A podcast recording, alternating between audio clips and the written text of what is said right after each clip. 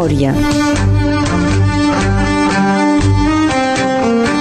La nostra gent s'explica. Berenguer Ballester. Soc a Pollestres per fer la darrera memòria. Aquesta sèrie d'emissions que va començar al setembre 2014 i que ha arribat eh, fins a la 646. Deixi de fer l'emissió sabent que encara hi ha un munt de gent que seria interessant que s'expliqués. M'acompanya en Francesc Villoc, és un amic de fa molts anys i que ha estat un dels que m'ha anat dient darrerament que jo també hauria de ser objecte d'aquesta emissió. Home, Francesc, bon dia. Bon dia, Berenguer, Ballester, és un regust ser aquí amb tu i poder fer aquesta memòria amb tu perquè eh, de veritat he anat seguint les memòries que has fet i jo sempre deia això ha d'acabar amb la memòria d'en Berenguer. Va. Hi ha altra jo, gent que m'ho no, ha jo dit, faré eh? de Bringuet o faré de Berenguer, Sí. no sé, faré, no faré ni l'un ni l'altre, Sí. però ja hi aniré fotent cullerada. He de dir que això de les memòries m'ha permès eh, conèixer un munt de gent. De memòries n'he fet amb gent que ja coneixia i que pensava que havien d'explicar-se perquè tenien un lligam amb la història del país i que ho havien d'explicar tot. Eh? Però també m'interessava gent que no coneixia i que podien ser també molt interessants. No? Hi ha hagut moments de- d'emoció fins i tot, eh? perquè Suposo. perquè hi ha hagut moments en què es creava una certa intimitat i veia com la gent arribava a parlar de coses que els emocionaven, no? Això se sentia a les emissions, Sí? eh? hi havia moments que se sentia. I llavors m'interessava també un aspecte, l'aspecte de la llengua, el català. I, I veies com els més vells, doncs el català l'havien tingut directament de la família. Hi havia encara transmissió oral, no?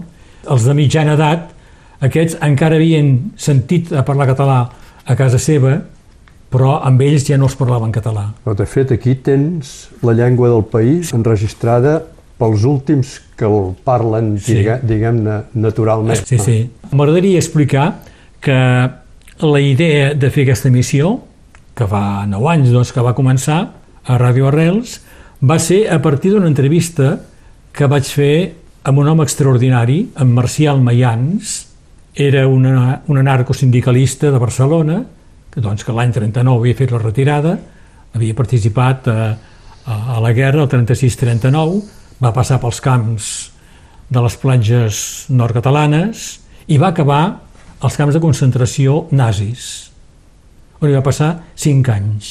Era un home molt dolç, era un home que explicava les coses amb una dolcesa extraordinària i estava parlant de 5 anys en un camp de concentració nazi, Marcial Mayans. I a partir d'aquí, després d'aquesta entrevista que vaig fer-li, vaig pensar, és interessant veure el lligam de la història personal amb la història col·lectiva. El teu gust per les entrevistes es, Sí. va, es va fer més fort. Sí, sí, perquè he pensat sempre que, per mi, eh, pel meu gust, eh, l'entrevista és l'exercici puntal de- d'una ràdio com la nostra. Segur. Jo sempre havia dit que eres la veu de Catalunya Nord i que, i que en les entrevistes eres aquell que és capaç de, de parlar amb l'altre, de continuar la conversa, de seguir el fil sense necessitat. Segur que eh, amb aquestes emissions ja tens un esquema una mica més Sí. fet, però normalment les teves eh, entrevistes eren això, eren una conversa. Cal dir que una entrevista la cal preparar, eh? Sí, Vull dir que una conversa la pots improvisar. sí, et dones la impressió Sí, de això. que segueixes, Sí, sí. però de fet estàs... Eh, La cal preparar molt, cal tenir molta informació abans, eh? saps on vas. És això. No, però és aquella capacitat d'escoltar de, de, el que hi ha davant, saps? Sí. A la televisió es veu molt això, un entrevistador que té, té, la, té la, la llista de preguntes i, I quan està mirant una- i ja ni escolta l'altre, Sí. està preparant la Sí, sí, següent, sí, sí, no? és això. Llavors, aquí no hi ha conversa. Bé, Berenguer, on som ara, avui? Doncs eh, som a la casa de la família de la meva sogra, doncs la mare de la, de la meva dona. Eh? Els Martí de El- Pollestres. Els Martí de Pollestres, que tenien vinyes. Eh? Els avis i la mare de la meva dona, la Jocelina, doncs vivien aquí. Eh?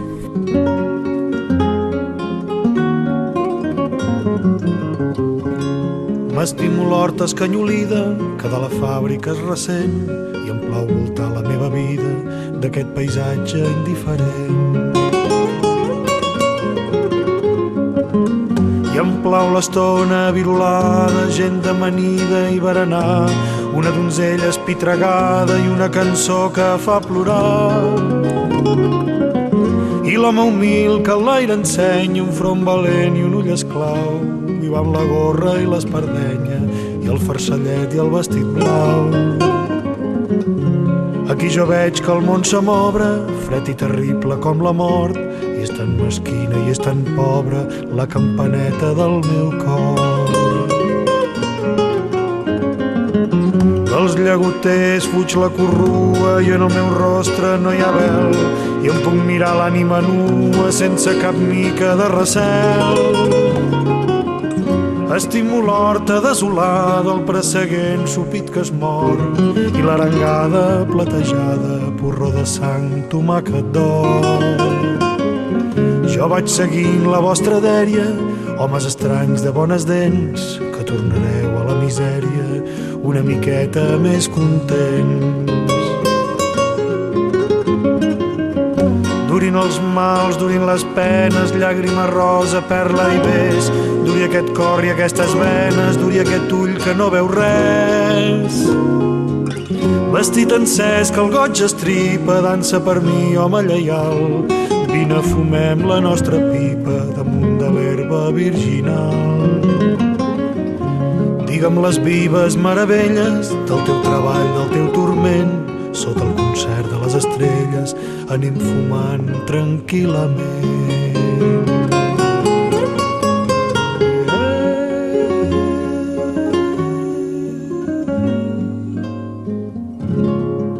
Parlem de, del costat de ta mare i de, després del costat de ton pare, no? Sí. Va, eh, els, els Baià, Els, la família de la mare, els, els Baià. barcelonins. Sí, jo em dic Berenguer Ballester Baià.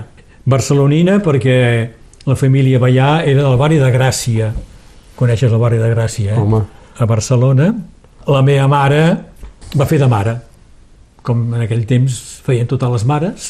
Va tenir cinc fills, doncs, va fer d'esposa i de mare. M'agrada recordar, entre altres coses, de ma mare, de la història de ma mare, això ho explicava. Ella havia cantat a l'Orfeó Gracienc, que era, era un, un orfeó, però important, eh?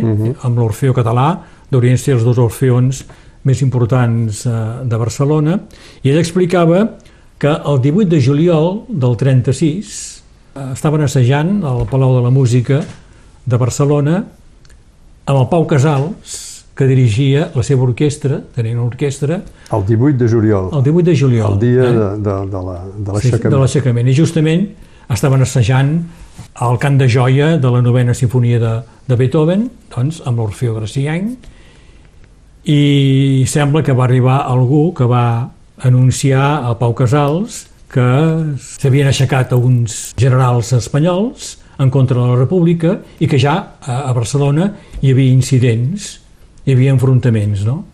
I llavors, és clar, haurien pogut plegar aquí, però Pau Casals va dir no, potser és el darrer cop, fem tota la novena sinfonia, va ser una mena d'acomiadament abans que comencés la guerra del 36 al 39. Això ho explicava ma mare perquè hi era en aquell moment Cantava. allà al Palau de la Música de Barcelona. Eh? déu nhi I més conegut que la teva mare, en tot cas a nivell públic, el teu pare, en Ballester. En Joan Ballester.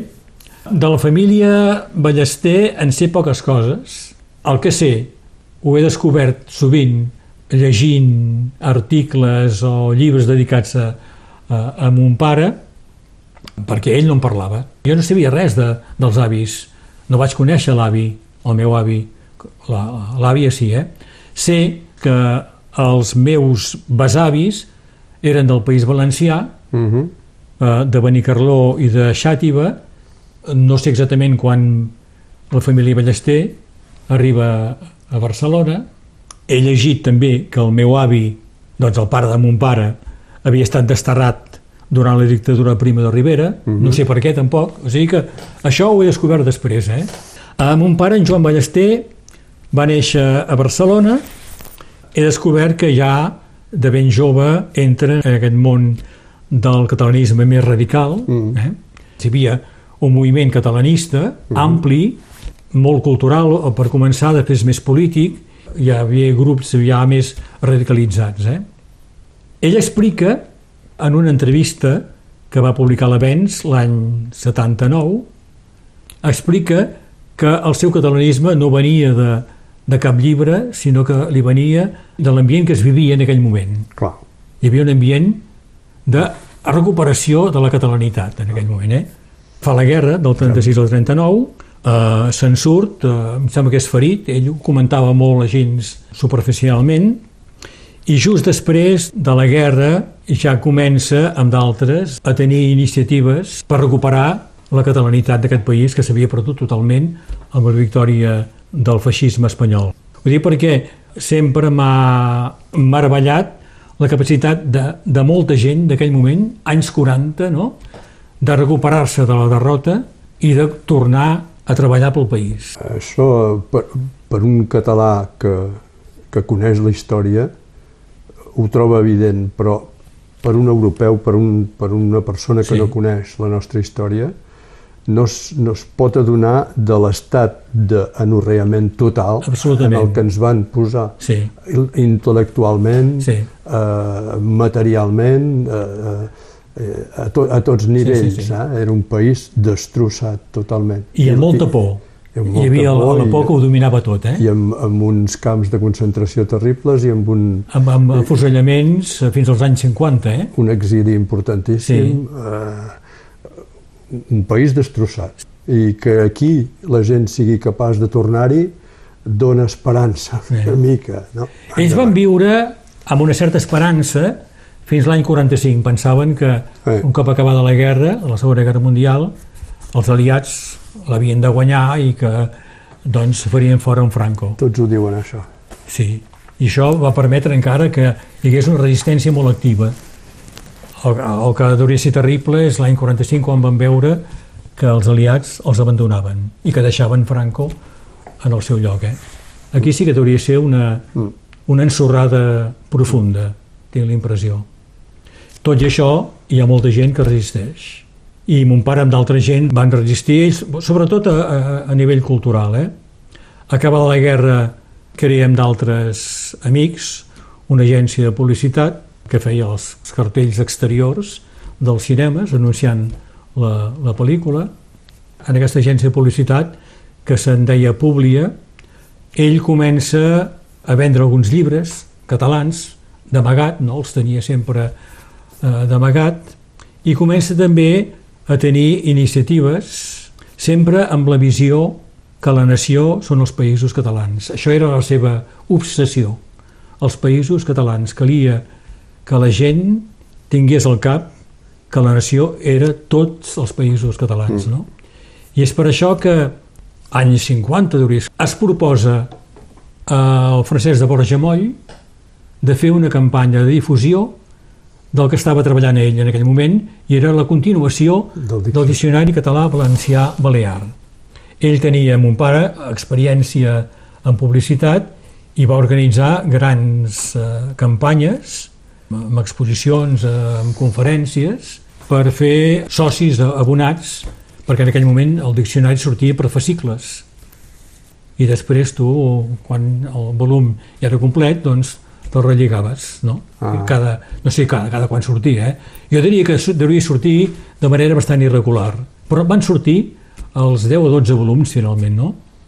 I això va permetre aquestes campanyes de difusió del Diccionari Català Valencià Balear, del Moll, de tenir una xarxa de gent de tots els països catalans. És, eh, és una característica d'aquell moment, la quantitat de gent que treballa quasi bé en l'anonimat. Perquè jo ton pare el coneixia pas i, i, el, i el seu nom tampoc, però jo recordo els llibrets de Entre tots ho farem tot, D'aportació el d'en catalana, sí, exacte, sí, sí. i recordo el mapa, jo no sabia que l'havia fet en Ballester, Sí. però jo aquell mapa el Sí. tinc molt present des de, des de, des de l'adolescència. Sí, sí, sí. El mapa s'ha reeditat fa, Sí, fa sí, pocs ara anys. sí. Hi ha una gent que l'ha reeditat. Entre el que feia amb això del Diccionari Català-Valencià-Balear, organitzava viatges, volia que els joves dels països catalans es coneguessin, no?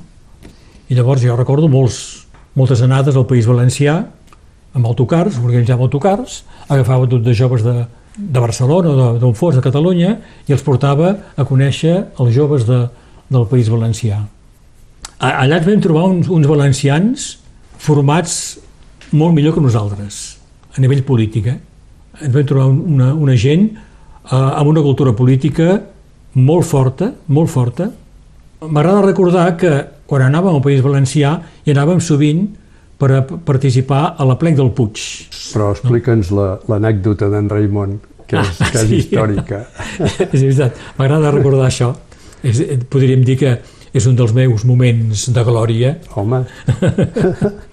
Perquè en un d'aquests eh, aplecs del Puig eh, era previst que cantés el Raimon, el cantant de Xàtiva, però va ser prohibit. Eh? El Raimon va ser prohibit moltes vegades.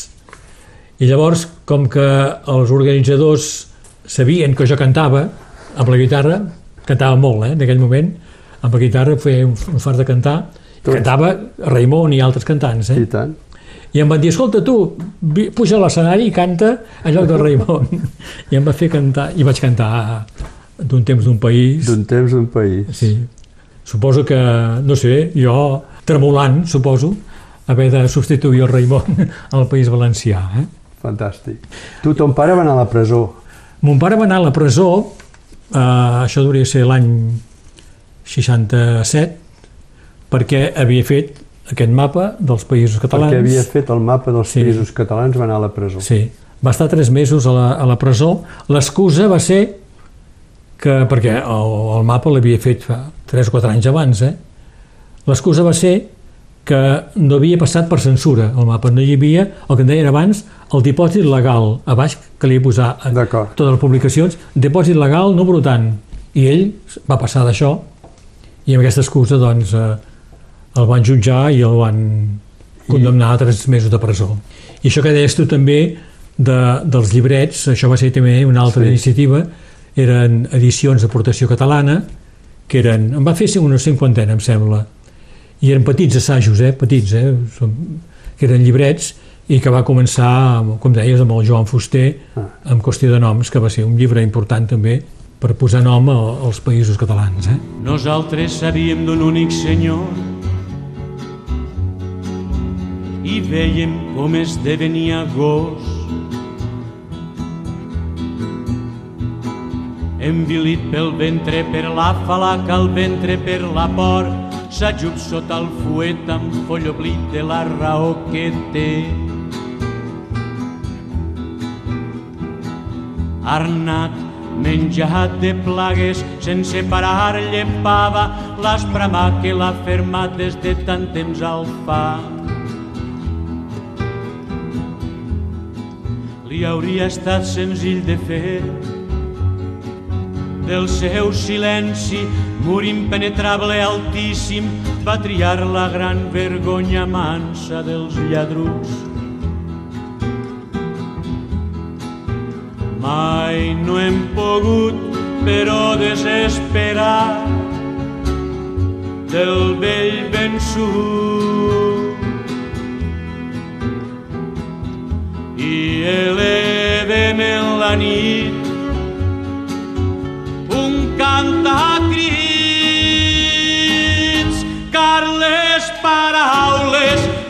de sentit.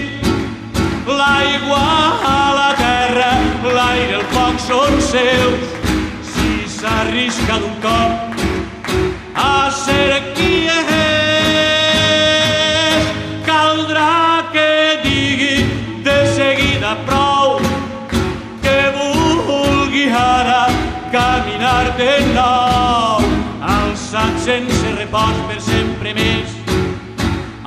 salvat en poble contra el vent.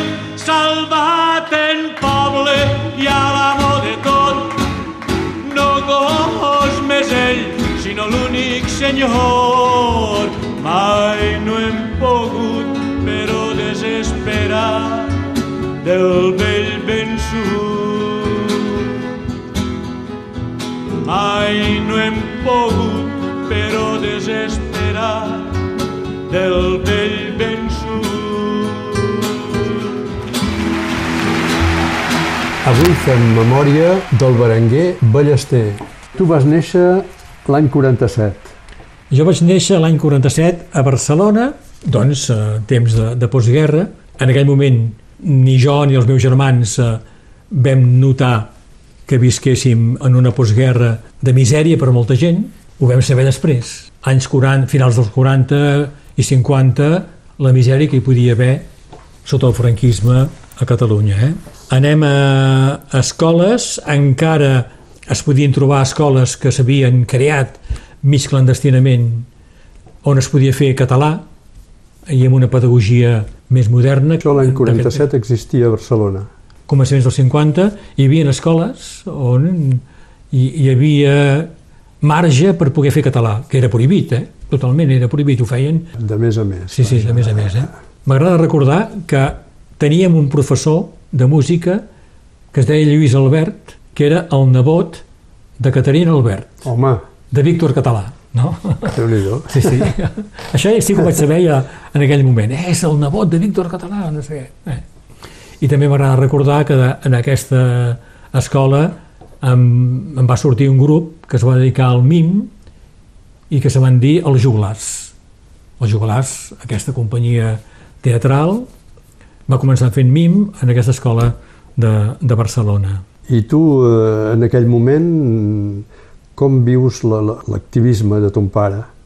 Perquè ton pare té una llibreria, Sí, i sóc a la llibreria, i anem, Sí. l'ajudem sempre que podem, l'ajudem eh, portant coses a on sigui, eh? portant llibres, portant paquets a on però sigui. allà hi devia haver llibres que no, que no eren permès de vendre. En un primer moment els llibres estaven mig amagats. De mica en mica van anar sortint. Al cap dels anys, després, l'agència de publicitat es va convertir en una llibreria. Ser a la llibreria em va permetre eh, conèixer molta gent, perquè era, a més a més de ser un lloc on podies trobar llibres catalans, era un lloc també de contacte. Clar. La gent hi anava a xerrar, com aquí també hi anaven o hi van a, a la llibreria A la catalana de llibreria Perpinyà, catalana, sí. no? I, a, i a buscar informació. Sé que molta gent jove anava a buscar contactes polítics a través doncs, de la llibreria. Eh? Hi havia el Pedrolo, per exemple, que venia molt sovint, Ah, sí?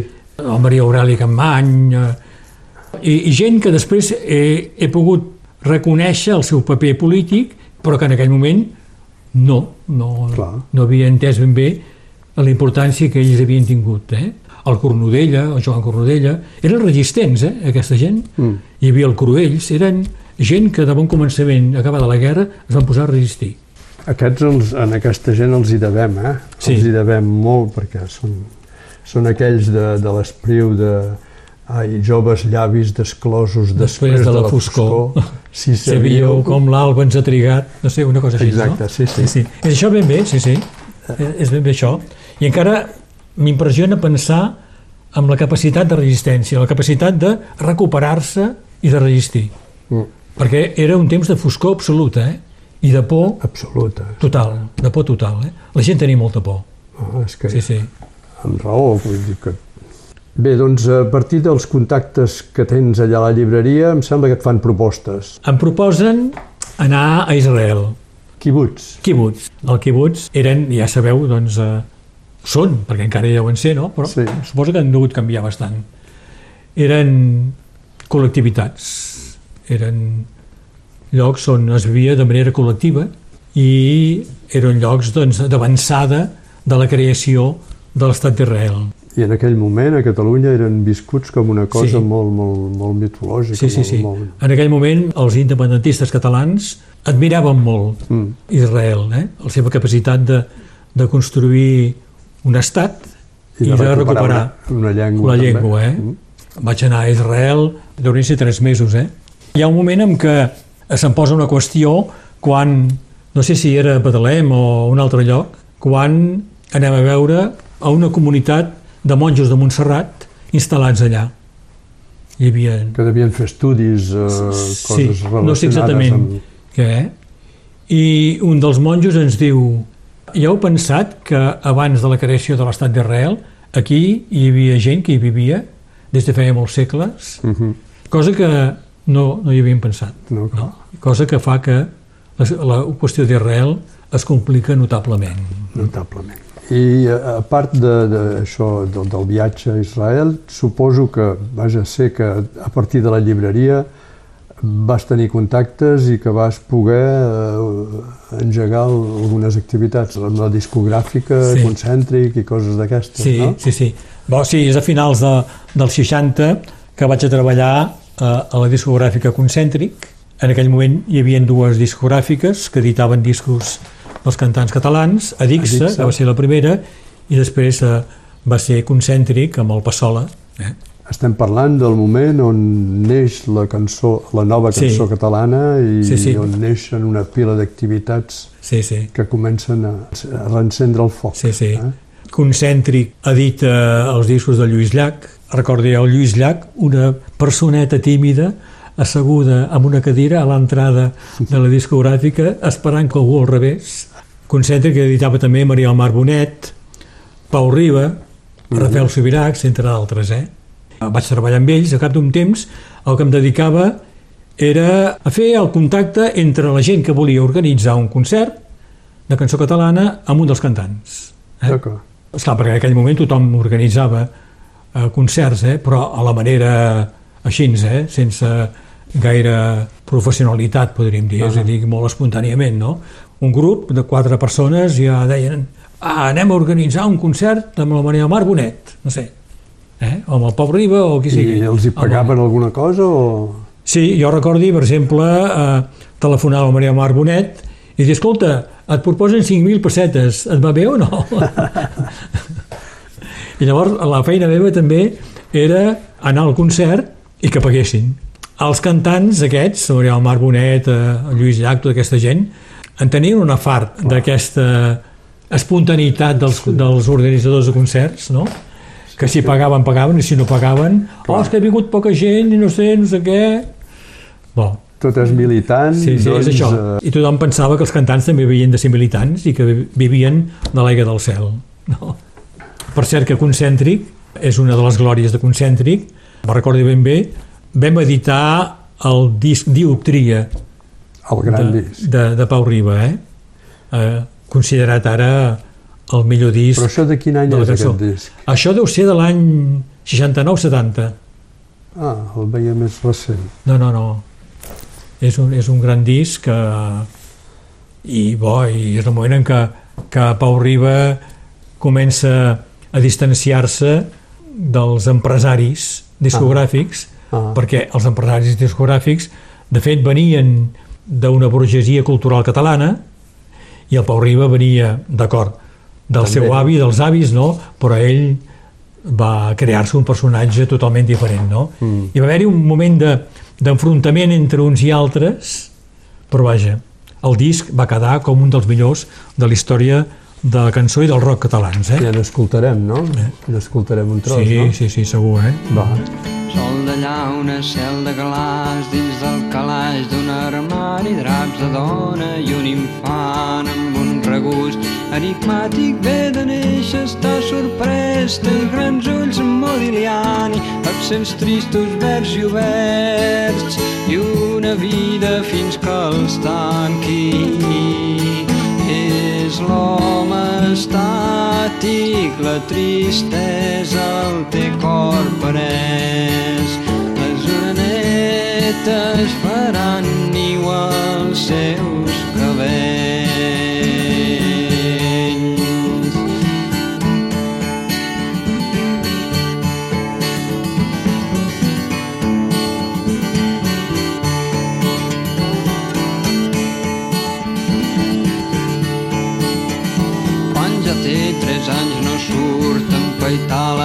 Papallones, quan gos lladra no fuig els vestits pagant la broma, quan la neu remou el cel ell la mira en lloc de córrer i li queda el rostre ple com les estàtues de Roma. És l'home estàtic, la tristesa el té cor pres jornetes faran niu als seus cabells.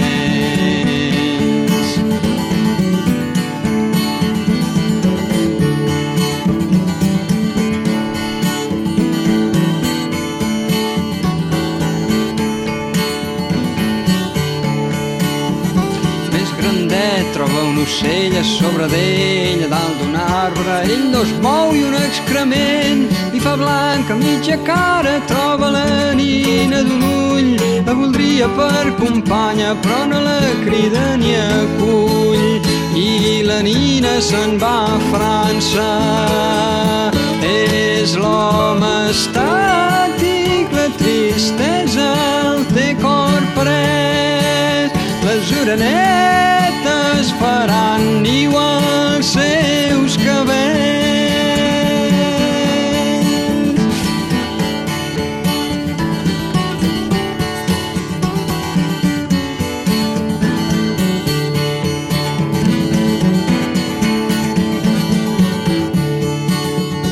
Una noia li ofereix un clavell per la solapa, se'l mira però no el pren i el clavell se l'han d'un altre. Un estiu quan ell ja és gran, l'amor ve amb tres candidates, ell les mira falagat, però l'amor té pressa i marxa. És l'home estàtic, la tristesa el té cor parès, les orenetes faran niu als seus cabells. I després ve l'agència de publicitat. Sí, perquè després de Concèntric el que faig amb el fill del soci del meu pare és reprendre l'agència de publicitat. Mon pare es queda cuidant-se de la llibreria i nosaltres reprenem l'activitat de l'agència de publicitat. Fins i tot vas estar en contacte amb en Dalí, em sembla. Sí. Eh que sí? Sí, sí, és l'altre gran moment de glòria Ah, sí? que he viscut. Ja n'hi van dos, eh? Sí, sí, ja van tots. Em sembla que s'ha acabat aquí, em sembla. És una anècdota que em fa molta gràcia d'explicar, em sembla que massa i tot, pels meus fills, que ja se la saben de memòria. I és que, a, treballant en aquesta agència de publicitat, doncs fèiem aquests cartells de les façanes dels cinemes anunciant el film, doncs eren cartells pintats, doncs hi havia pintors que treballaven per l'agència i és per això que un dia eh, algú va dir eh, caldria portar una pistola de pintura, una cosa que funcionava així, eh? Sí. pistola de pintura a la Pedrera, aquesta casa del Gaudí, no? al Passeig de Gràcia a Barcelona, perquè el Dalí, al Terrat, hi vol fer un, un, un, un happening d'aquests. No? Vol pintar. Sí, sí. I jo, tot content, me'n vaig amb la pistola de pintura al terrat de la Pedrera de Barcelona i li ensenyo com funciona el Dalí. Per cert que ell se m'adreça en castellà, per començar. Va.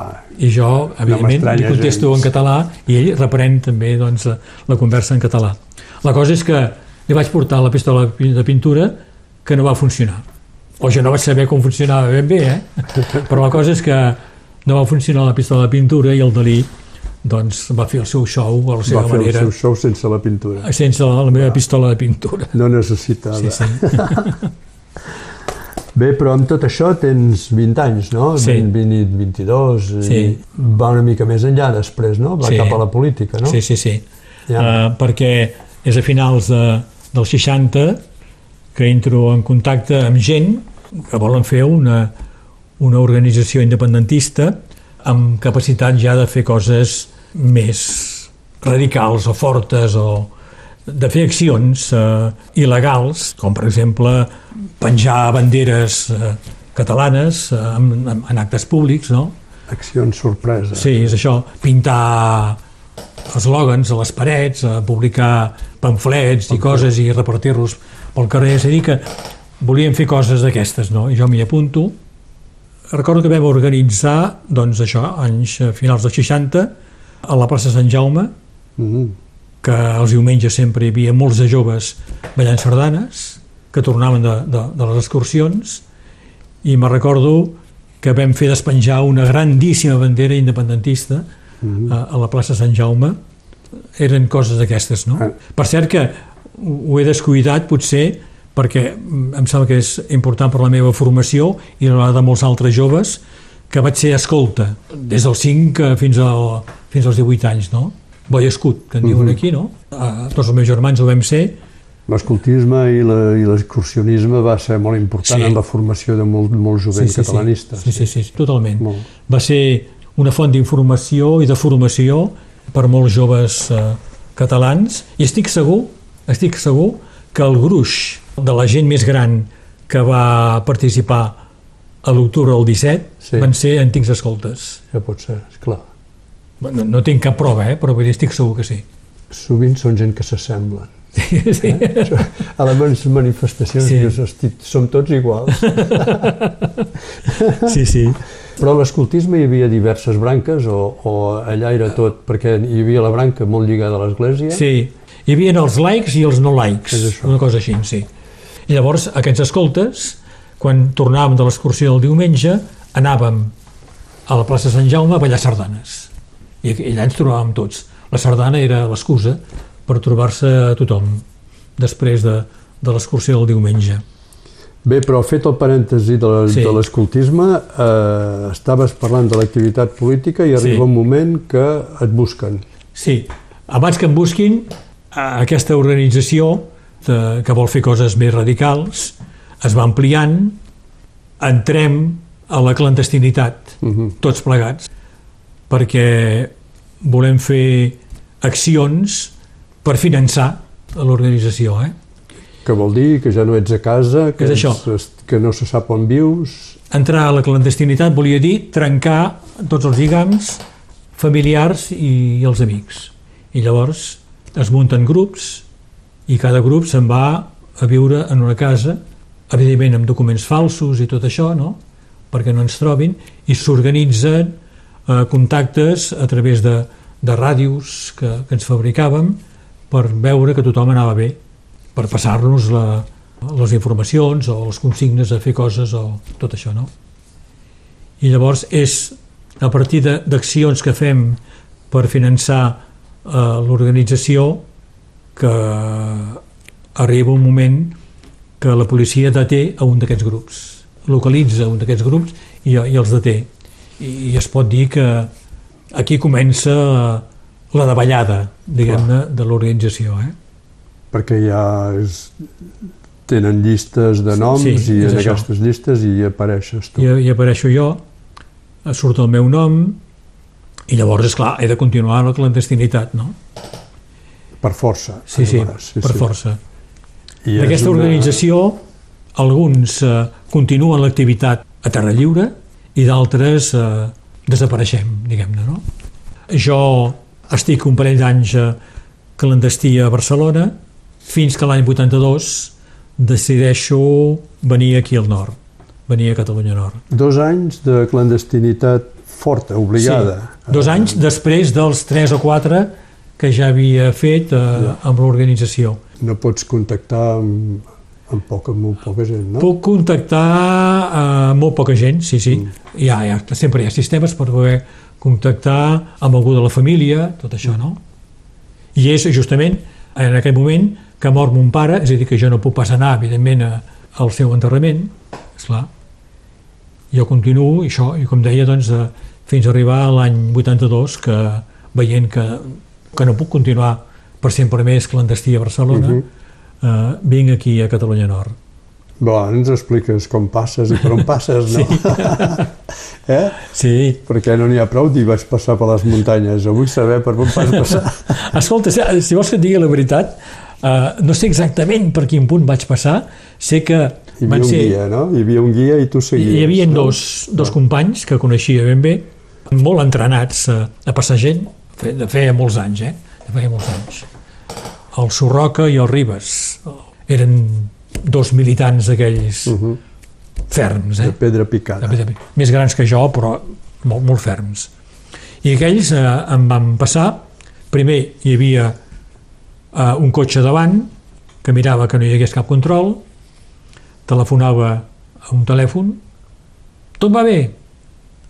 Després veníem nosaltres, el, el, el company, el Ribes i jo, amb un altre cotxe, telefonàvem a aquest telèfon, d'aquesta manera anàvem avançant amb una certa seguretat de que no hi havia controls que ens poguessin parar al mig de la carretera, no? I llavors eh, em van deixar amb aquest company, el Ribes, a prop d'una carretera i llavors vam pujar per la muntanya, vam passar la frontera, ja et dic que no, no recordo exactament. Ah, no? No ens ho diràs, Hòstia, no, això? és que no. Ja m'agradaria em, sap, molt em sap greu, eh? Em sap greu. Però on I, vas arribar? I a, a l'altre costat hi havia un cotxe que ens esperava. Per l'altre costat on era exactament? És que això no ho recordo. Home, Hòstia, em sap un greu. però va, per anar fins a Cuixà després... Eh, Amb, val, amb el cotxe vam anar fins a Cuixà. però venir, vol dir que vau passar per allà al Canigó o, o, o era lluny? No ho sé. No? No sé, sé, ja sé que tu ets una persona que ha baixat de la muntanya vols no, és que precisions, però, Volia saber... però no, no, no, no puc saber. Jo seria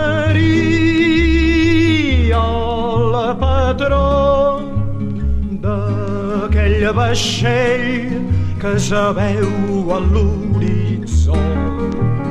Aniria més lluny que l'horitzó donaria les noies al meu cor a la tornaria a prendre per donar-lo altre cop. Noies de tots els i amb mirallets amb i els meus ulls i els meus ulls. La sabria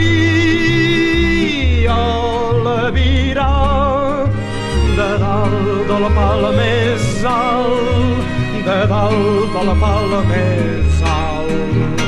Cantaria cançons com els marins de guerra. Duria uns pantalons acampanats de baix ni sabria els meus fills quan tornaria a terra quan tornaria a terra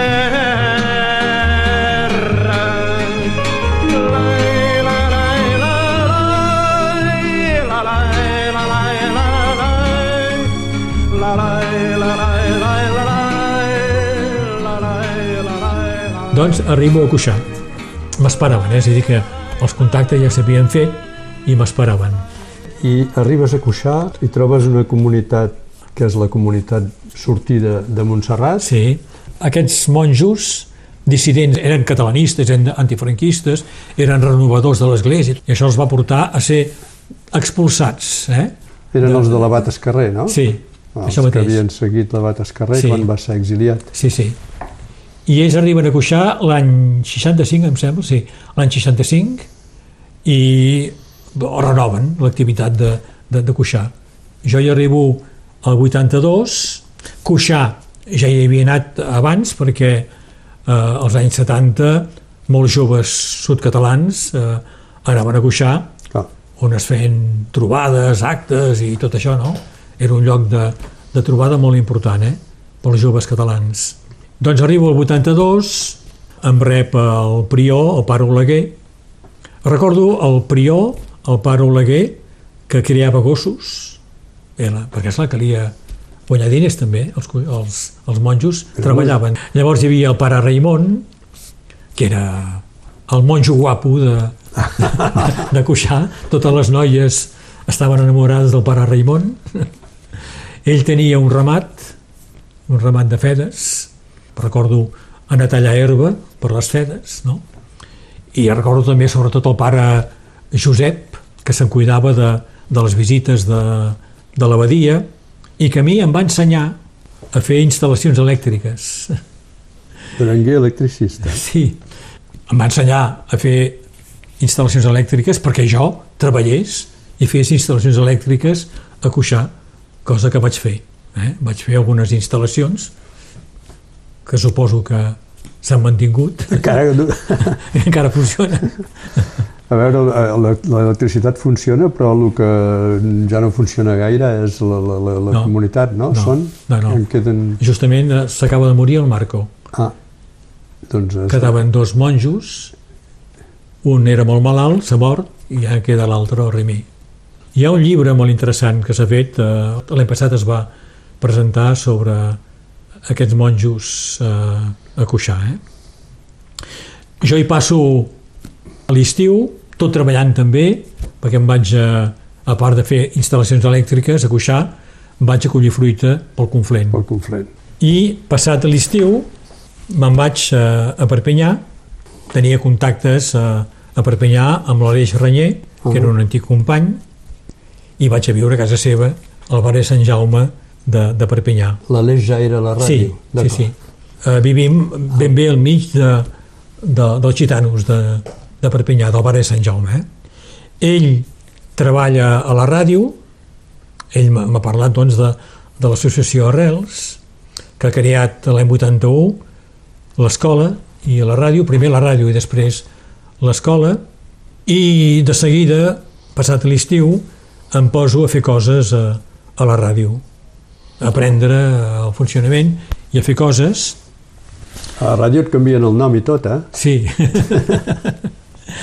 no, no sé per què, eh, vaig pensar que Berenguer no era pas un nom radiofònic. No sé per què. Era massa històric, O això. potser era qüestió també encara de, que em venia de la clandestinitat de canviar els noms i Ah, tot això, sí. no? Vés a saber, no? La cosa és que eh, va sortir el nom de Bringuet. D'on ve el nom de Bringuet? Encara molta gent em, em coneix com a Bringuet. Clar. Encara molta gent em diu, ei, Bringuet! Sí.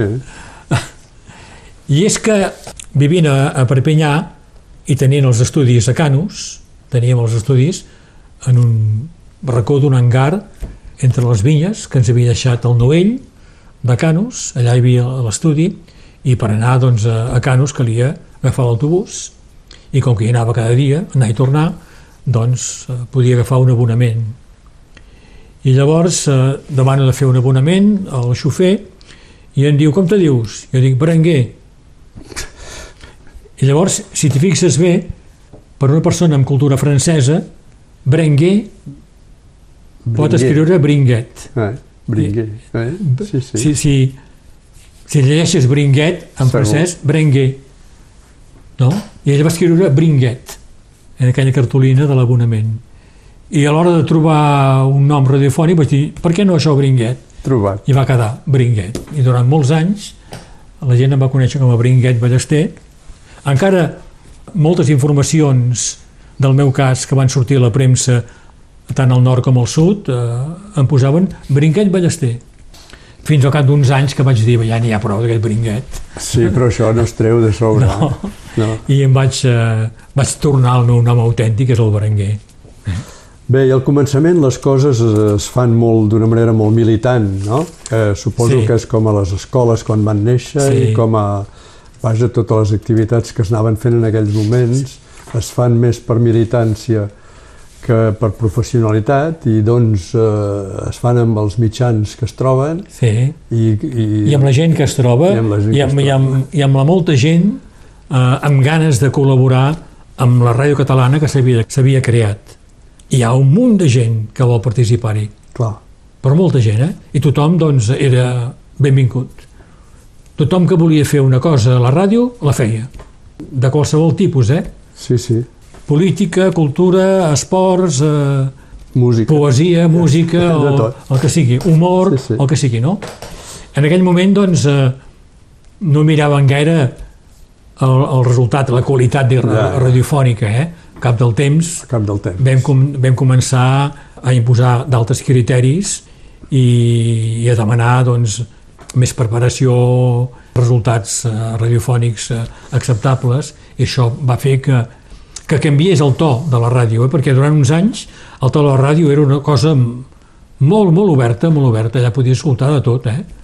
I podies escoltar una persona que llegia un llibre durant tres quarts d'hora, per exemple.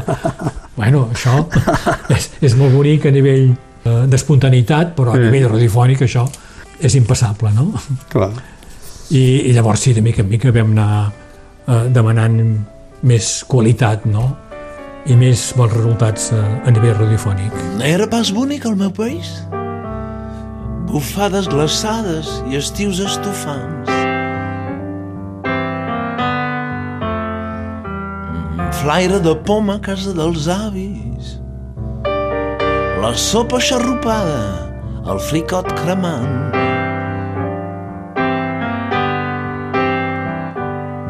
Menja i calla, sempre ens deia l'àvia. Has oït que això se menja sense fam.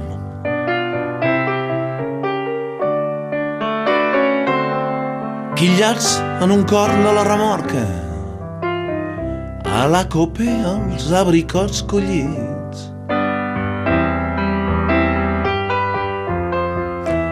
Espartinars amb una rusta, cambajú i pasta de fruits.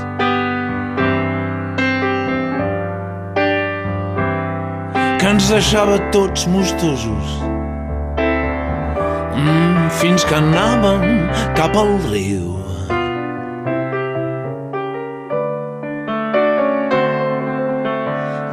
I arribava el diumenge, fer-se escapçar els cabells. Després a l'esquilada, a la dutxa, camisa blanca i short net. El mocador al fons de la potxa i la tarda al cinema.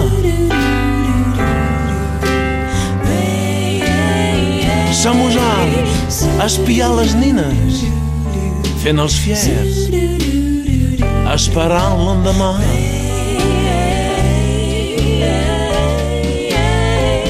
Eren vespres d'estiu tan llargs cadires al carrer i recs que resquillaven.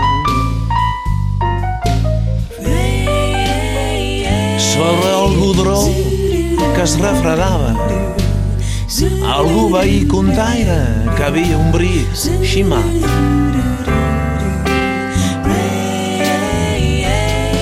Hasta al mig de la nit parlava sol, ni se n'havia envisat. Era pas bonic el meu país? Olor de tractor calent, de terra regirada. Temporals que amenaçaven i s'acuità cap al casal.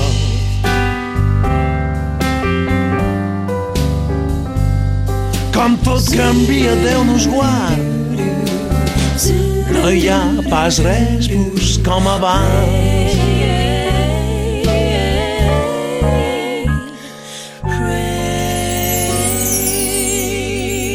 Fins aquí la primera part de la memòria del Berenguer Ballester en companyia de Francesc Bitlloc. Les cançons que hem escoltat és el Berenguer que les ha triat. Toti Soler, amb Cançó de suburbi, un poema de Josep Maria de Sagarra, Raimon, amb Indecinenter, un poema de Salvador Espriu, L'home estàtic, de Pau Riba, Rafael Subiracs, amb Berenar les roques, un poema de Joan Salvat Papaseit i El país bonic dels blues de Picolat. Demà, segona part, a aquesta mateixa hora. Memòria. La nostra gent s'explica. Berenguer Ballester.